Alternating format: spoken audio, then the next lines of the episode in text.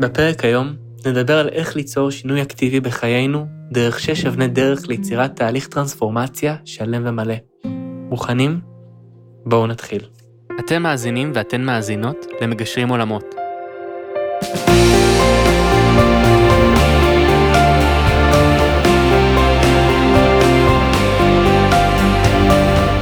בפודקאסט הזה נדבר על נושאים שנמצאים על סדר היום מנקודת מבט קצת אחרת, וננסה לבנות גשר בין עולמות שפעמים רבות נדמה שאינם מתחברים. אקטואליה, טכנולוגיה, חדשנות, פילוסופיה, התפתחות אישית, תודעה, רוח וגם החיים עצמם.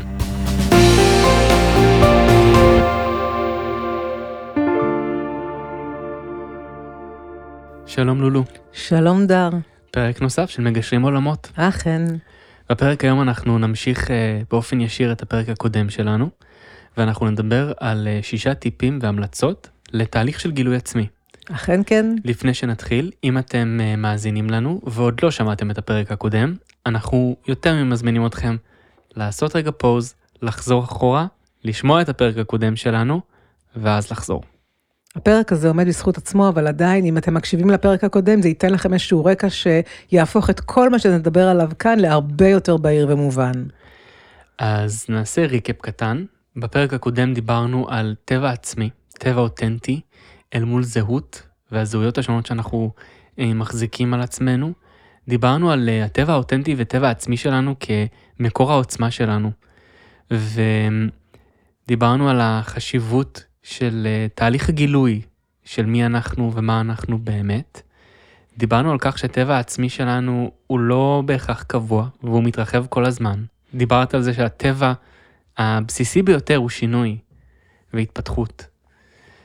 ודיברנו על זה שתהליך של גילוי עצמי וחיבור לטבע העצמי הוא מאוד פרקטי. נכון. כי הוא הופך את החיים להרבה יותר פשוטים. אז אה, אנחנו היום נעסוק בשישה טיפים, שש המלצות לתהליך כזה, לאיך יוצרים תהליך של גילוי עצמי. זה יהיה פרק קצת שונה, אנחנו נהיה קצת יותר פרקטיים הפעם, או לפחות ננסה. ואם זה נשמע לכם ככה מוכר, אתם עוקבים אחרי לולו וזה נשמע לכם מוכר, אז הפרק הזה מתכתב עם אה, מאמר שהעלית לאתר, שישה טיפים לטרנספורמציה. נכון. מי שרוצה ללכת... המאמר הזה נכתב אה, אחרי שתלמידים שאלו אותי, מה הטיפים שלי? לתהליך של גילוי עצמי והתפתחות טרנספורמטיבית, ואז אמרתי, אוקיי, אם יש לי טיפים אני אכתוב אותם וכך זה יוכל לעבור הלאה, והנה אנחנו מוצאים את עצמנו מדברים על זה גם כאן, בעבור המאזינים והמאזינות שלנו. נכון. אז uh, נתחיל? נתחיל. אז ההמלצה הראשונה שכתבת היא פרואקטיביות, להיות פרואקטיביים. אני מאוד מאוד מאמינה בפרואקטיביות, ואני מאמינה שבתהליכים של גילוי עצמי, אנחנו בעצם אה, יוצרים איזשהו סוג של אה, מסע שבו אנחנו בוחנים מי אנחנו ומי נוכל להיות. ובתוך זה אנחנו יכולים לשבת על הגדר ולחכות שהזדמנויות יגיעו אלינו, ואנחנו יכולים ליצור יוזמה חיובית בעבור מה שאנחנו רוצים ליצור ולהגשים.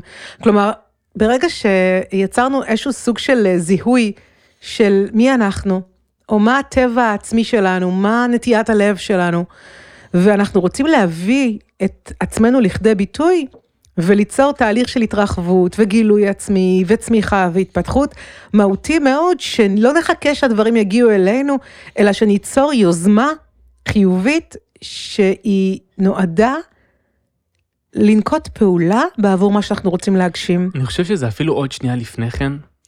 עוד לפני שהבנתי מה הטבע העצמי שלי, הבנתי שאני רוצה לגלות אותו, Mm-hmm. אז להיות פרואקטיביים בתהליך הגילוי, Mm-hmm. זה לשאול את השאלות. בפרק הקודם דיברנו על השאלות האלה של מה בא לי בקלות, מה, מה טבעי לי, מה נטיית הלב שלי. אז הפרואקטיביות כלפי זה, זה לשים לזה לב, בדיוק. בת- בתור התחלה. זה בעצם, ברגע שאנחנו רגע מתרועעים עם הר- עם הרעיון של טבע עצמי וטבע אותנטי, אז לא לחכות שזה ייפול עליי או יגיע אליי כתובנה או כרעם ביום בהיר. אם אני חש לצורך העניין שהזהויות שלי והמציאות שלי הן לא תואמות את מי שאני, זה מזמין אותנו לתהליך של גילוי, זה מזמין אותנו לתהליך של חקירה, וזה תהליך שהוא חייב להיות פרואקטיבי בהגדרה שלו. אנחנו חייבים לצאת ולשאול את השאלות, אנחנו צריכים לשבת עם עצמנו ולייצר דיאלוג כנה, זה, כן. אגב, לגבי הנושא הזה, אני קוראת למושג הזה הכרה פעילה. מהמם. והכרה פעילה זה הכרה אקטיבית, זאת אומרת, אני לא נשאר אה, במצב שאני מטושטש או מטושטשת ואני לא נשאר או נשארת במצב של עמעום, אלא במודעות והכרה ערה, שבה אני בצורה פרואקטיבית שואלת את עצמי שאלות, מתבוננת על עצמי, חוקרת את עצמי, לא מפחדת לגלות בתוכי רצונות או מאוויים או אה, קולות שאני מאפשרת להם לבוא לידי ביטוי. ובעצם הפעולה הפרואקטיבית שאתה מתאר היא הפעולה בכלל בהתחלה של ההקשבה ושימת הלב וההכרה הפעילה והערה כלפי מה שקורה בתוך העצמי. ואז בעצם יכולת להוביל את זה לפעולות ומעשים שהם בעד העצמי הזה. בעד העצמי האותנטי, בעד הקול הזה של, אה, כל המקור הזה שנמצא בפנים והוא קול מאוד מאוד טהור שהוא מי שאנחנו, ואז הפעולה בעדו היא פעולה בחיים עצמם, שהיא מאוד פרקטית אגב, והיא מתחילה לתמוך את הקול הזה ברמה מאוד מעשית, ולתת לו את האפשרות לבוא לידי ביטוי. אני חושב שהדבר הראשון שהוא יכול להיות פרואקטיבי בנושא הזה של גילוי עצמי, הוא יצירה של תקשורת פנימית ודיאלוג. Mm-hmm. ואני רוצה רגע להתעכב על דיאלוג ולשתף את המאזינים והמאזינות שאנחנו מקליטים את הפרק הזה ביום חמישי. נכון. אתמול היה יום רביעי, ויום רביעי זה יום של אה, מפגש אה, מודול אחד, נכון. שבעצם תוכנית הדגל אצלנו במרכז. ואחד התלמידים שאל אתמול בשיעור שאלה, השיעור היה בנושא תקשורת, והוא שאל על דיאלוג, כי בעצם הנושא מהמם. התקשורת עם עצמי, ואז הוא שאל מהמם. למה זה דיאלוג. Mm-hmm. ואני חושב שזה נושא נורא מעניין רגע להתעכב עליו. כי יש לנו דיאלוג שהוא בעצם אה, שיח בין שני צדדים, יש לנו מונולוג שזה שיח עצמי שיש בו צד אחד שמדבר, ואני חושב שהיכולת לייצר דיאלוג פנימי שבו אני מדבר עם עצמי אבל זה לא מונולוג, זה לא רצף מחשבות שאני מייצר one way street או one way stream, Mm-hmm. אלא יש בו דיאלוג וגם משוב, יש בו זה מעבר לזה, זה היכולת לשאול ואז לשתוק ולהקשיב. ולראות מה עולה, כן. וגם לענות, לתת מקום. בדיוק. זה הכל מאוד פרואקטיבי. ואגב, בדיאלוג הזה בעצם זה דיאלוג בין שני פנים של מי שאנחנו, כי את הפודקאסט הקודם, את הפרק הקודם, סיימנו בזה שדיברתי על כך שאנחנו כולנו מרובי פנים, נכון. ובעצם הדיאלוג נותן אה, מקום לריבוי הפנים, ופעמים רבות זה העצמי האנושי מדבר עם העצמי הפנימי. ומהדיאלוג הזה שבין העצמי האנושי לעצמי הפנימי, יש המון תובנות שמגיעות. והרבה פעמים אנחנו, בהקשר הזה של העצמי פנימי ועצמי אנושי, אנחנו פעמים לא שמים את המספיק תשומת לב כדי להבדיל. וזה נורא חשוב. אז בעצם אם אני מסתכלת בתהליך גילוי עצמי, זה היכולת להיות פרואקטיביים ברמת הדיאלוג הפנימי, מהמם. שבין העצמי האנושי לעצמי הפנימי. להיות פרואקטיביים בדיאלוג שבין פנים שונות של מי שאנחנו, לתת לקולות השונים של העצמי לבוא לכדי ביטוי. כי יהיה את הקול הספקן ויהיה את הקול המאמין ויהיה את הקול הרוצה ואת הקול המפחד, את הקול האקטיבי ואת הקול שעוצר והוא בולם, לתת לכל הקולות האלה לבוא לכדי ביטוי, זה מאוד מאוד משמעותי. ומעבר לזה, זה היכולת להיות במה שאני קוראת לזה הקשבה ברמת הדקות. כלומר, להיות בשימת לב לניואנסים, מהמם. והניואנסים האלה הם אלו שמאפשרים גילוי עצמי. וכשיש את ההקשבה ברמת הדקות לניואנסים, וכשיש את היכולת ליצור את הדיאלוג הפנימי בין הקולות השונים בתוכנו, ובין העצמי האנושי לעצמי הפנימי, וכשיש את היכולת לגלות בראש ובראשונה מה העצמי האותנטי הזה רוצה להביא לכדי ביטוי, השלב הנוסף זה היכולת לתמוך את זה בפרואקטיביות. כלומר, לא לחכות שמשהו יקרה, אלא ליזום, ליצור את ההזדמנויות כדי להגשים את הרצון הזה. אז זה מוביל אותנו ישירות לטיפ השני שכתבת. אז הטיפ השני שלך הוא חריצות, להיות חרוץ. זו תכונה מאוד מאוד משמעותית בתהליך של גילוי עצמי, כי אני מאמינה שההתנהלות שלנו כאן על פני האדמה בחיים, היא התנהלות נצברת. זאת אומרת שזה בעצם צעד ועוד צעד ועוד צעד שיוצרים גילוי ודרך. וההתנהלות הנצברת הזאת היא נובעת מחריצות, כי החריצות מולידה התמדה. כלומר, אם אנחנו רוצים להשיג הישגים בחיים האלה, אם אנחנו רוצים להגשים את עצמנו בחיים האלה, אנחנו חייבים להבין שההישגים קורים בתהליך נצבר, והצבירה הזו של צעד ועוד צעד, דבר ועוד דבר, שמצטברים לכדי מסה קריטית, ואז הישג, הם תוצר של חריצות. ומה שמאוד נפוץ זה שאנשים מתחילים משהו, לא רואים תוצאה מיידית, ומפסיקים תהליכים באמצע. כלומר, יצאת לתהליך של גילוי עצמי, והתחלת לעשות משהו, אפילו סתם דוגמה, נגיד אם דיברת קודם על המיומנות של הדיאלוג, או היכולת להיות בהקשבה, אז התחלת ליצור איזשהו סוג של התנסות בדיאלוג פנימי. ועשית את זה יומיים וחצי והפסקת, בעצם התעצלת, זה מאמץ אותך, אין לך את המיומנות עדיין, זה דורש ריכוז, זה דורש היערכות, מאמץ, בעצם לא תחצה מסה קריטית, לא תצבור mm-hmm. את המיומנות הנדרשת.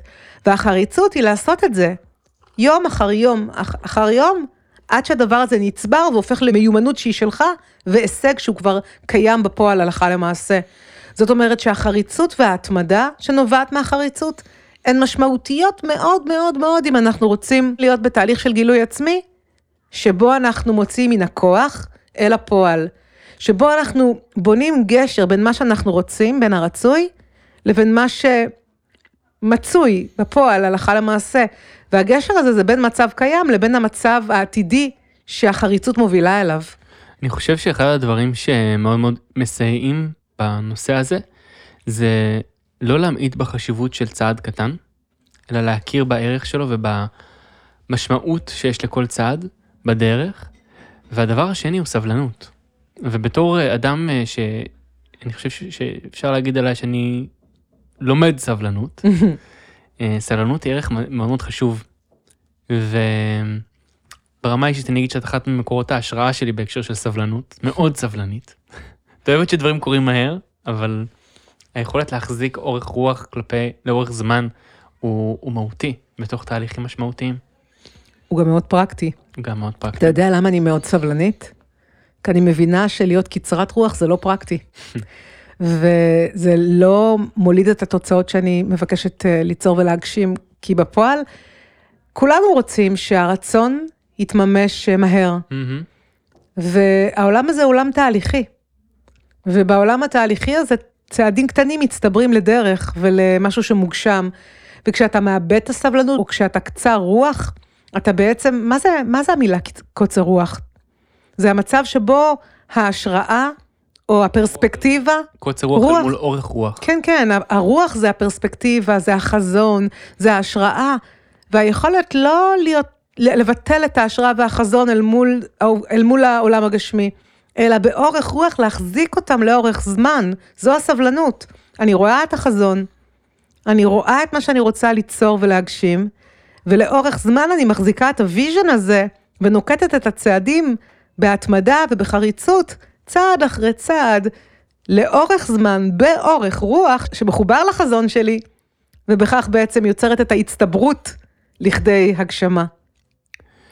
אז היה לנו פרואקטיביות כלפי התהליך עצמו, זאת אומרת, אני מזהה רצון או נביאה לייצר תהליך מסוים של גילוי עצמי, או של טרנספורמציה, או של שינוי. והפרואקטיביות היא גם פנימה, וגם החוצה. נכון, אז אני קודם כל בצורה פרואקטיבית מתחיל לפסוע בדרך. השלב השני הוא בעצם להביא חריצות אל תוך זה. והתמדה. כדי לייצר את הצבירה הזאת שדיברת עליה. Mm-hmm. והדבר הנוסף שאת מדברת עליו, הטיפ השלישי, הוא התמסרות. התמסרות לדרך. זה ממש חשוב, מפני שאם כבר ביטאת רצון והקשבת לקול של העצמי שלך, ויצאת לתהליך של גילוי עצמי והתפתחות, תעשה את זה לאורך זמן בחריצות והתמדה ובפרואקטיביות, ותתמסר לזה באופן טוטאלי. כלומר, אל תקיים שניות ודואליות כלפי הדבר הזה. כי בפועל, מה שקורה זה שאם אנחנו לא מתמסרים לחלוטין, בתוך הנפש יש מצב של קונפליקט מתמיד. רוצה, לא רוצה. הולכת על זה או לא הולכת על זה. אוקיי, אז אני עכשיו רוצה ונותנת את כל כולי או ששומרת אופציות. זאת אומרת שיש איזושהי נטייה בעולם שלנו אה, ליצור מצב שבו אנחנו לא יוצרים תהליכים באופן שלם ומלא, כי אנחנו מנסים לשמור אופציות. או אפילו מפחדים לאבד משהו בדרך. ואז אה, רגל פה ורגל שם, ובפועל האדם יוצא קרח מכאן ומכאן. הקרח מכאן ומכאן זה תוצר של היעדר התמסרות לתהליך שהתחלת ליצור, ואז באיזשהו אופן אתה לא באמת פוסע בו בצורה מלאה ושלמה, ואז אתה לא כותב את הפירות גם. ואז בפועל יש איזשהו אה, תהליך חסר שגם לא מגיע לכדי מיצוי או הגשמה. ואגב, כשאתה לא הולך על דבר באופן טוטאלי ואתה לא מתמסר לגמרי, זה המון פעמים נובע מזה שהבן אדם לא סומך על עצמו. מהמם. הוא מפחד לאבד את עצמו בתוך התהליך או בדרך, הוא מפחד לאבד בתוך התהליך הזה את מה שכבר יש לו, מפחד להיכשל, מפחד להיכשל, להתאכזב. ומה שאני אומרת לאלה שמפחדים להתאכזב או להיכשל, מה כבר יכול לקרות? באסה, כאב, מפח נפש, זה ב... זאת אומרת שאם אנחנו לומדים להתייחס לכישלון בשוויון נפש, ולהבין שאין באמת כישלונות, ואני לא באה כאן אה, להביא איזשהו משהו רוחני. אני באה להגיד ששוב, התייחסות לכישלון כאל אה, תהליך שבו אה, למדתי, אל תהליך שבו בעצם התנסיתי וצברתי מסקנות. אז אין בזה באמת כישלון, אלא איזשהו סוג של, אני אקרא לזה הרצה של איזשהו סוג של אה, ניסיון, וקבלת אה, מסקנות שאיתן אני יכולה לעבוד, אז אין באמת הצלחות או כישלונות, אלא ניסיונות, צבירה של אה, מיומנויות וידע ומסקנות ותובנות, ויכולת להתחיל עוד פעם ממקום יותר חכם. ואז זה כבר מנטרל את הפחד מכישלון. ואז בעצם כשאנחנו מתמסרים ולא מפחדים לאבד, ולא מפחדים להיכשל, ולא מפחדים להתאכזב, כשאנחנו מתמסרים באמת ולא אה, נאחזים במה שקיים, ולא אה, משאירים רגל אחת פה ורגל אחת שם, אז אנחנו משפרים מאוד את היכולת שלנו לקטוף פירות, ולצבור מסה קריטית שבסופו של דבר מובילה לתוצאות. אז בעצם ההתמסרות אה, בעיניי היא מהותית מאוד, ואגב, היכולת להתמסר נובעת מהחיבור לעצמי הזה שדיברנו עליו בפרק הקודם, למקור של העוצמה הפנימית. כי כשאני מחוברת לעצמי האותנטי, אין בו פחד להתמסר. תחשוב, אם הטבע האותנטי שלנו הוא התחדשות וגילוי עצמי, אז ברור שאנחנו חייבים להתמסר כל הזמן ללא נודע, ולהפוך אותו למוכר וידוע. ואז אם מתחברים באמת לעצמי האותנטי, הוא יצעק לך בכל הכוח, לך על זה, תתנסה, תתמסר, מי יודע מה תגלה. אז אם היה לנו בעצם, אה, אנחנו הרי מדברים על תהליך של אה, גילוי עצמי, או בכלל תהליך של טרנספורמציה או שינוי, אז היה לנו את השלב הראשון שהוא פרואקטיביות, וזה לצאת לדרך, היה לנו את החריצות, שזה to show up לאורך זמן, ולצבור מסה אה, לאורך זמן. איך בא לידי ביטוי ההתמסרות? ההתמסרות באה לכדי ביטוי במובהקות, בהיעדר בואי נסביר שניות. את המילה הזאת. מובהקות והיעדר שניות משמעה שאני לא משמרת איזשהו סוג של חוסר ודאות פנימי לגבי מה שבחרתי ליצור, או איזשהו סוג של ויכוח פנימי, או חוסר אוקיי. okay. שלמות פנימי, או קונפליקט פנימי. אתה לא מבין, זה, זה כל כך כואב לי המון פעמים לראות אנשים שפוסעים בדרך, לא מתמסרים לה באופן מובהק או מוחלט, ואז מה הבאסה? שהם חצי קלאץ'. כן. ואז הם לא קוטפים את הפירות, הם לא משיגים הישגים, ואז הם מאבדים את האמונה בעצמם או בדרך. יצאת קרח גם מכאן וגם מכאן. ניתן דוגמה מאוד פרקטית לזה, מהמם. דוגמה שאת אוהבת לתת. דבר אליי. את הרבה פעמים נשאלת על איך הפסקת לעשן, והתשובה שלך בדרך כלל אה, מאוד מפתיעה אנשים, תמיד אומרת, פשוט לא השארתי אופציות. נכון, אני נכון. החלטתי, ואני שם פה להעיד שזה באמת היה כך, החלטת, וזה קרה. בגלל שאם אתה מובהק ואם אתה מתמסר לגמרי להחלטה שלך, ואתה לא משאיר אופציות פתוחות, ואז כשאין אופציות פתוחות אין ויכוח פנימי ואין פיתוי, כי איך לא השארתי אופציות? אני, יש לי איזשהו סוג של עיקרון, אני ממליצה עליו לכולם. אם אני אומרת משהו, אני עומדת מאחורי המילים שלי. כלומר, אם הכרזתי, אני מפסיקה לעשן, יש עיקרון שאני מלמדת אותו, שנקרא תואר המילה. ובתואר המילה, המילים שיוצאות לי מהפה, אני עומדת מאחוריהן. הכוונה שמאחורי המילים שיוצאות לי מהפה היא טהורה. ואז ברגע שאני באה ואומרת, אני מפסיקה לעשן, אני עומדת מאחורי המילים שלי ואין אופציה אחרת. מהמם. ואז בעצם כשאין אופציה אחרת, אין ויכוח פנימי, וכשאין ויכוח פנימי, אז אין מצב שאני סובלת, כי כל הזמן יש את הקונפליקט הזה של לקחת את הסיגריה, לא לקחת את הסיגריה. לקחת עוד שחטה אחרונה, לא לקחת עוד שחטה אחרונה, כי זה לא קיים. הפסקתי לעשן, הכרזתי על זה, אין אופציות. ובעצם בהתמסרות אתה לא משאיר אופציות פתוחות, אלא אתה הולך בדרך שבחרת בה. אני מאוד אוהב את- את הדוגמה הזאת שאת נותנת אותה, כי אני חושב שהיא ממחישה בצורה נורא יפה את הקונספט הזה של התמסרות, אבל בקונספט שהוא הרבה יותר נגיש וברור, כי, כי זה נשמע מאוד רוחני ומאוד רחוק, אבל זה נורא פרקטי. לגמרי, ואגב, כשאני אומרת התמסרות, אנשים גם יכולים להיבהל מזה. נכון, כי הם מאוד חושבים, שאתה. הם חושבים שאתה מבטל את עצמך, אבל ההתמסרות היא למה שהעצמי האותנטי בחר. ההתמסרות היא לקול הפנימי הזה שהוא בעדך. אז אם הקול הפנימי הזה שהוא בעדך מוביל אותך, לך אחריו, תתמסר לו, תן לו לרגע להוליך אותך אל מחוץ לאזור הנוחות שלך, אל אזורים שבהם אתה בעצם מתפתח ומגלה את עצמך וצומח ורוכש מיומנויות חדשות ומשתמש בכוחות הפנימיים שלך ובעוצמה הפנימית שלך ובטבע האותנטי שלך בעבור מה שאתה רוצה להשיג ולהגשים. אז ההתמסרות היא לא למישהו בחוץ, היא לעצמך בכלל. זה כל היופי. מהמם. אני חושב שזה מוביל אותנו מאוד יפה לטיפ הבא, קדימה. שהוא לא לפחד לאבד. וזה נשמע, זה טיפ שאני אני חושב שצריך רגע לדבר עליו.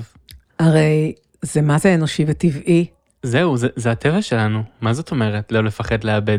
שוב, מהו הטבע האותנטי? הטבע האנושי הוא לא לפחד לאבד.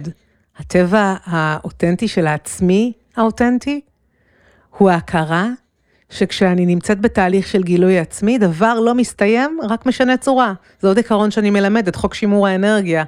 זאת אומרת שאם אני בגילוי עצמי, נאמנה לעצמי, לקול של העצמי הטבעי, האותנטי, אה, שמצוי בתוכי ובעצם נע בדרך ומתמסרת אליה, מה שתואם אותי, משהו בעדי, משהו הולם את העצמי שלי, ימשיך איתי הלאה. ומה שלא, ידהה ויתפוגג וזה בסדר, גם אם זה יכול לכאוב.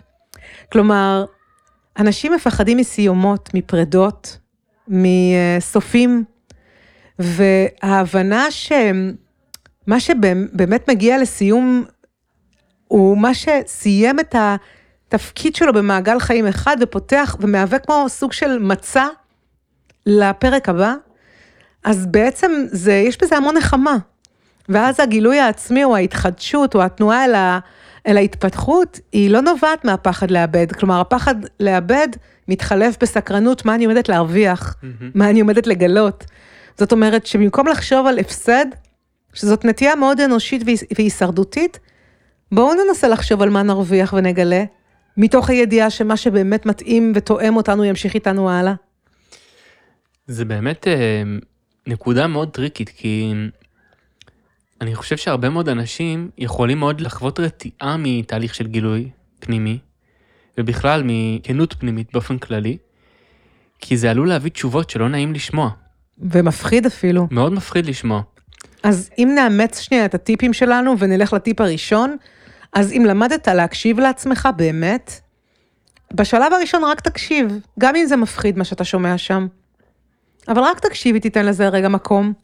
זה נקודה מאוד חשובה מה שאת אומרת, כי זה באמת, בשלב הראשון, לא ללכת בראש להשלכות ומה צריך לעשות, ורק רק להקשיב, להקשיב, רק לתת מקום. רק כנות פנימית. כנות פנימית, הקשבה ברמת הדקות, הכרה אקטיבית ופעילה, כמו שאמרתי קודם, כלומר פרואקטיביות בכלל בדיאלוג הפנימי, ולתת לדיאלוג הזה רגע רק מקום להיות. זה השלב הראשון.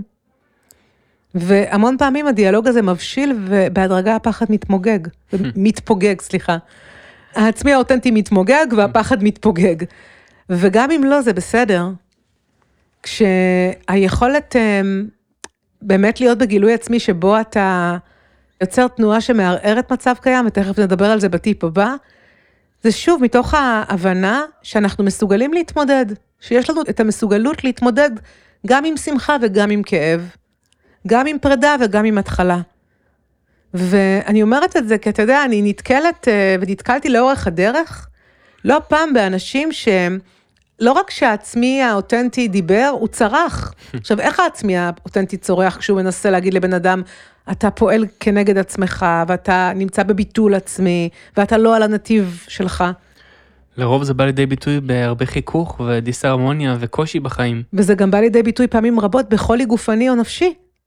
זאת אומרת שמתחילות להיות תופעות נפשיות וגופניות שהן תוצר של הצעקה הכואבת מתוך העצמי האותנטי הפנימי הזה, שבא ומבקש, אני רוצה לבוא לידי ביטוי, זה לא מי שאני, למה אתה מדכא אותי? הוא שואל את העצמי האנושי. כי אתה מפחד? כי אתה נאחז? כי אתה חושש לאבד?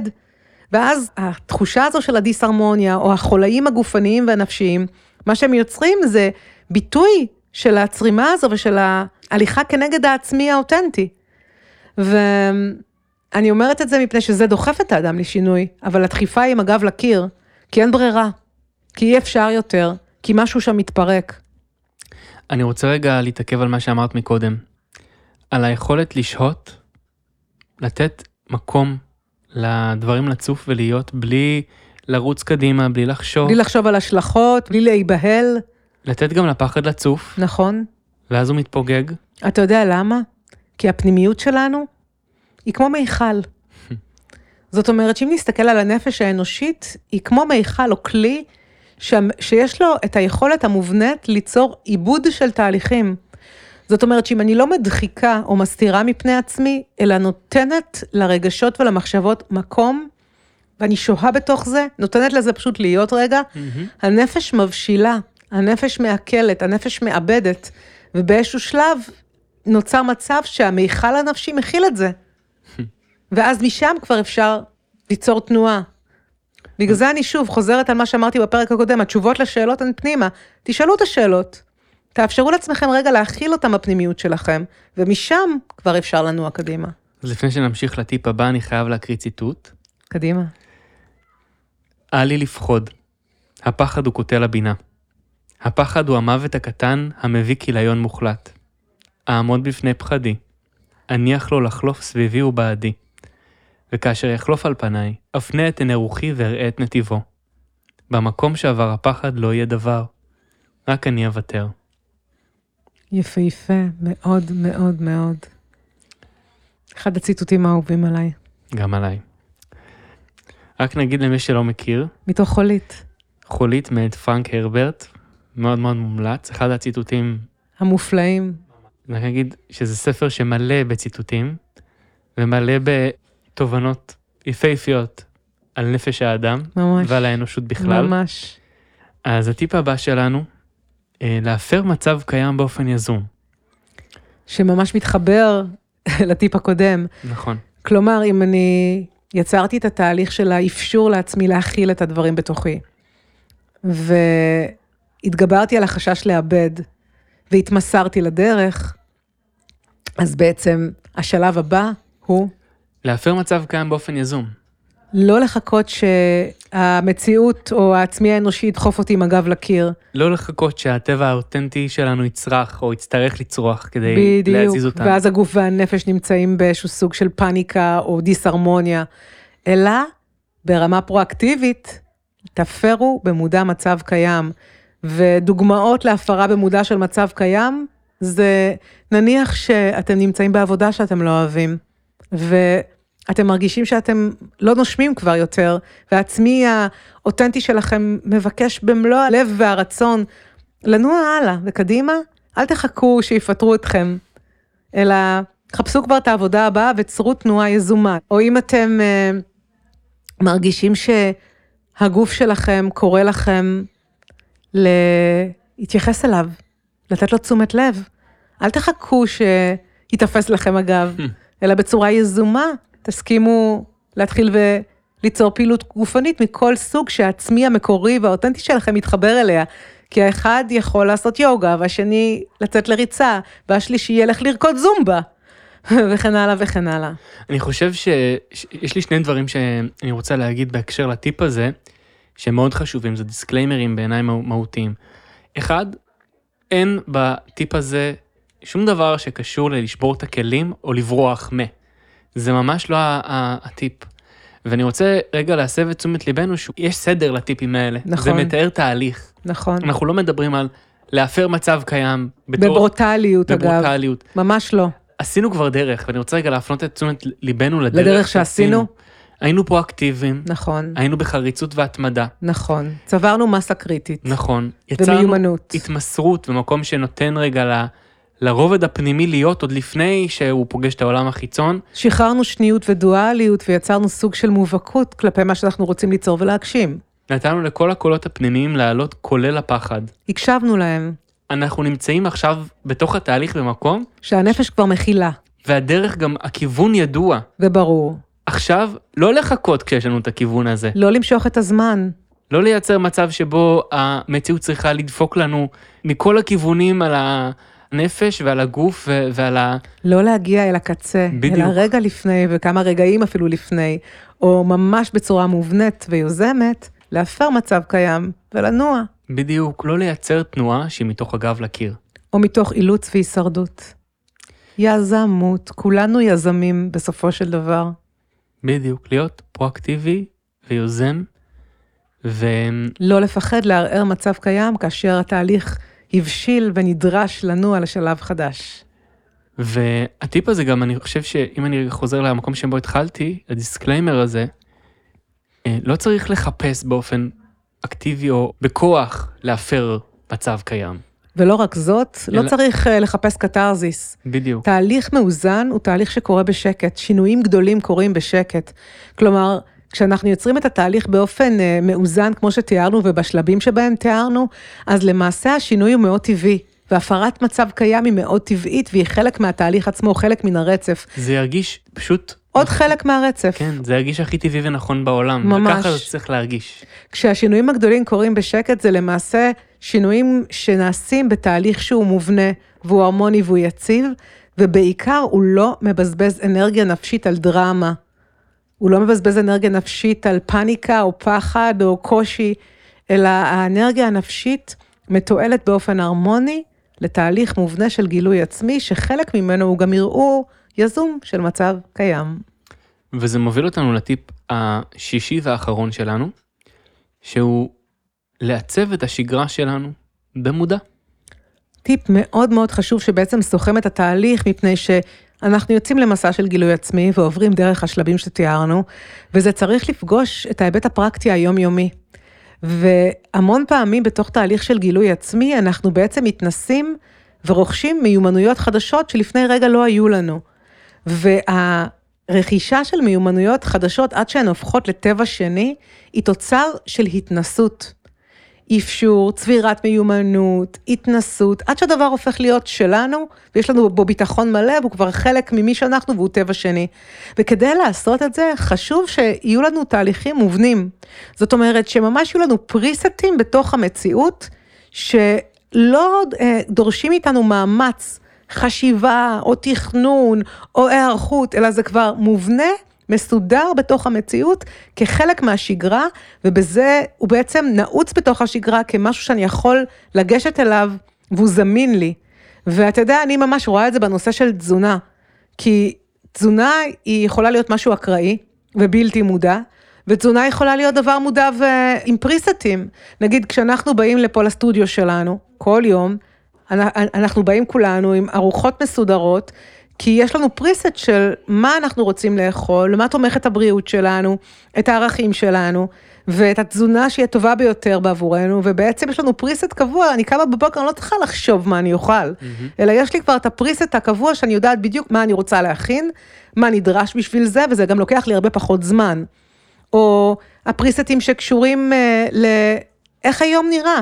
איך נראית השגרה היומית, איך היא תומכת את הגילוי העצמי ואת מה שאני רוצה להגשים וליצור, ובעצם ממש סוג של הרגלים תומכים שמוטמעים לתוך השגרה, עד שהם הופכים להיות חלק ממי שאנחנו, ואנחנו כבר לא צריכים לחשוב עליהם. נכון. או ו... להתאמץ. וזה לקחת בעצם את כל השלבים הקודמים שעליהם דיברנו, ולהתחיל לטעת אותם באופן יזום, לזרוע אותם ממש בתוך היומיום שלנו והשגרה שלנו כעוגנים, שלאט לאט יגשימו אותם כמסה נצברת.